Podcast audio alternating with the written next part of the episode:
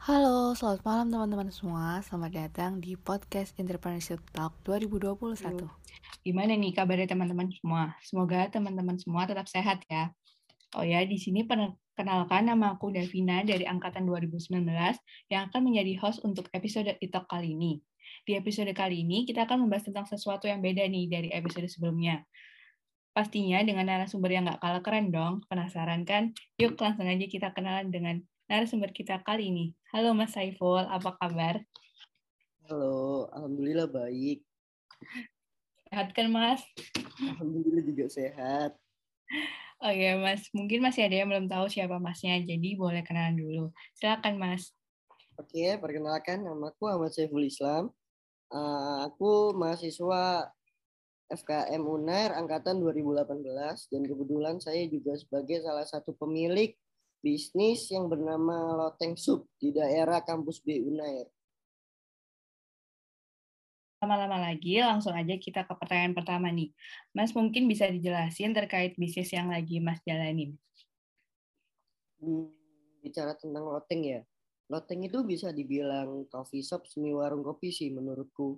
Makanya dikasih nama kedai loteng kita bisa dibilang coffee shop soalnya kita punya mesin kopi dan ada banyak menu perkopian masa kini, kekinian gitu. Habis itu bisa disebut sebagai warung kopi biasa soalnya kita juga ada menu yang murah-murah. Jadi ada menu es teh gitu-gitu. Ada kopi tubruk gitu-gitu. Terus kita juga ada makanan berat kayak uh, ayam geprek, habis itu chicken hot spicy, babat usus gitu. Nah, awal mula terbentuknya ini gimana, Mas? Awal mula terbentuknya loteng ya. Jadi iya. dulu ya. itu pertamanya kita cuma ngopi-ngopi biasa sih sama teman. Habis itu kok lihat-lihat ada tempat yang disewain di dekatnya Uner kampus di sini di daerah apa Gubernur Kertajaya. Lah di wilayah sini tuh kan wilayah kos-kosan semua ya terus tempatnya itu paling menonjol gitu di daerah sini jadi kita tertarik buat nyewa itu makanya kita sewa buat kedai tempatnya juga lumayan luas sih jadi kita bisa buat tempat lesehan gitu buat uh, mahasiswa-mahasiswa kalau mau kerja kelompok aku pun sendiri kan sebagai mahasiswa ya waktu itu kita uh, saya kesulitan buat nyari tempat kerja kelompok sama teman-temanku jadi aku kepikiran untuk buat gini sih gitu Oh, jadi berawal dari ketertarikan sama melihat peluang dari sekitar juga ya, Mas? Iya. Yeah. Nah, untuk resep menunya develop sendiri atau bagaimana, Mas? Kalau resep menu sih kita develop sendiri ya. Tapi pada mulanya kita itu survei-survei juga. Kita juga kan suka ngopi nih, pindah-pindah gitu. Jadi kita tahu mana menu yang disukain orang-orang, terus menu yang enak itu kita ambil jadi kita nyoba-nyoba sendiri gitu resepnya kayak gimana terus kita buat deh di sini gitu oh jadi semuanya develop sendiri ya benar-benar sendiri ya. Oke, nah kalau boleh tahu pekerja di sana ada berapa orang mas dan gimana cara mas mengatur cash flow-nya?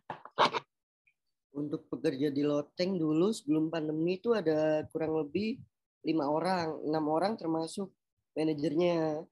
Terus setelah pandemi itu kan ada PSBB ya. Itu kita yeah. ada pengurangan pegawai jadi semuanya pulang gitu. Soalnya rata-rata pegawai saya itu mahasiswa dulu itu, mahasiswa UNER sendiri. Jadi mereka pada pulang ke desanya gitu kan. Yeah. Jadi dikelola sendiri sama manajer sama kita gitu. Uh, untuk cash flow ya. Cash flow kita ada pembukuan sih. Jadi tiap hari gitu kita tulis pemasukan hari ini berapa, habis itu pengeluaran hari ini berapa. Ntar kita totalkan hari itu. Terus hari selanjutnya juga kayak gitu lagi. Sampai seminggu, habis itu kita rekap seminggu itu. Terus jalan lagi sampai bulanan. Nah, di bulanan itu ntar kita tutup buku. Gitu. Oh, gitu. Oke. Nah, untuk survei pasar sendiri gimana Mas? Kan saat ini banyak banget ya kafe-kafe kayak gitu. Hmm, untuk mengatur survei pasar sih kami ada dua cara ya. Cara internal sama eksternal. Cara internal kami itu tanya ke customer-customer perihal rasa, habis itu uh, tanya mau request menu-menu apa yang sedang tren saat ini gitu, seperti kopi kekinian. Jadi dulu itu kita nggak jual kopi kekinian sih. Sebenarnya cuman jual menu-menu biasa kayak milkshake, squash, habis itu kopi tubruk kayak di warung gitu-gitu kan.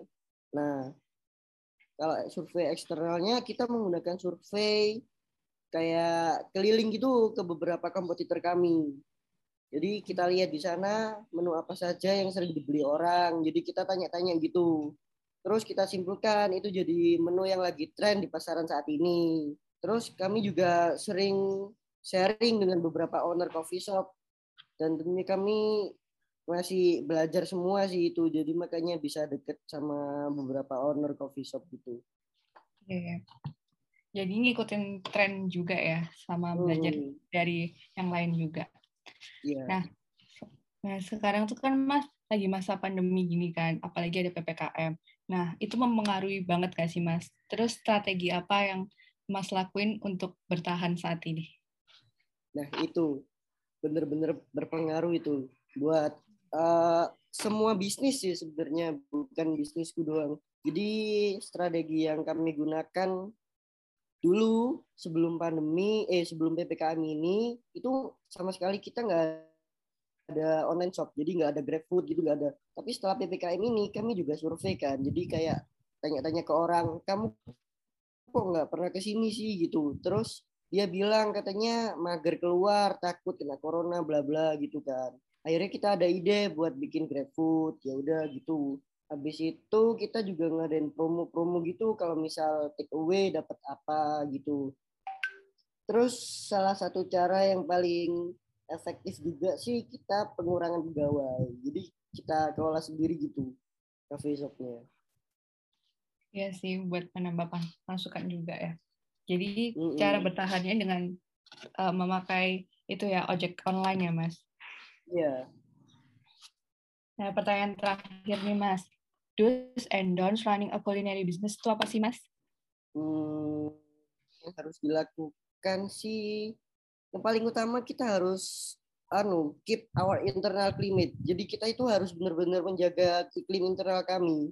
Karena situasi internal itu menurutku dapat dibilang sebagai jantung sebuah company kan ataupun sebuah perusahaan di mana kalau situasi iklim kami masih memanas otomatis perusahaan kami nggak bisa jalan dengan baik dan bila juga banyak juga kejadian di coffee shop coffee shop punya temanku yang bubar karena itu karena mereka di internalnya kurang cocok itu jadi kita harus tetap menjaga quality time kita sih. Terus yang kedua di dalam bisnis kuliner kita juga harus menjaga kualitas produk kita. Baik dari rasa, pengemasan maupun takaran yang sesuai dengan SOP. Karena memang kalau nggak sesuai dengan SOP itu pelanggan benar-benar nggak mau kembali lagi gitu. Terus hmm. customer itu uh, menurutku hal yang paling penting sih. Kalau mereka nyaman, terus suka dengan kedai kita, terus suka dengan produk kita, otomatis mereka kembali lagi dan nilai plus yang bisa kita dapat itu mereka akan bawa temen-temen gitu ke sini jadi makin rame gitu ntar temennya bisa ngajak temen yang lain gitu sih terus ya yang ketiga uh, jangan lupakan riset pasar deh itu bener-bener mempengaruhi itu kayak dulu kan aku nggak ada menu kopi kekinian terus sekarang ada itu bener-bener nambah customer menurutku gitu yang paling penting berarti kedekatan internal dari coffee yeah. shop sendiri, uh. lalu kualitas dan kenyamanan dan sama yang paling penting lagi riset pasar ya mas. Iya yeah, betul sekali. Oke baik terima kasih mas Saiful. Wah keren banget ya sharing-sharing yang disampaikan oleh Mas Saiful. Terima kasih untuk Mas Saiful udah bersedia sharing sama kita kali ini. Semoga usahanya lancar terus dan pandemi ini cepat berlalu biar kembali lancar. Dan Oke, sampai di sini episode Itak kali ini. Saya Davina pamit undur diri. Sampai jumpa di episode selanjutnya. Hmm.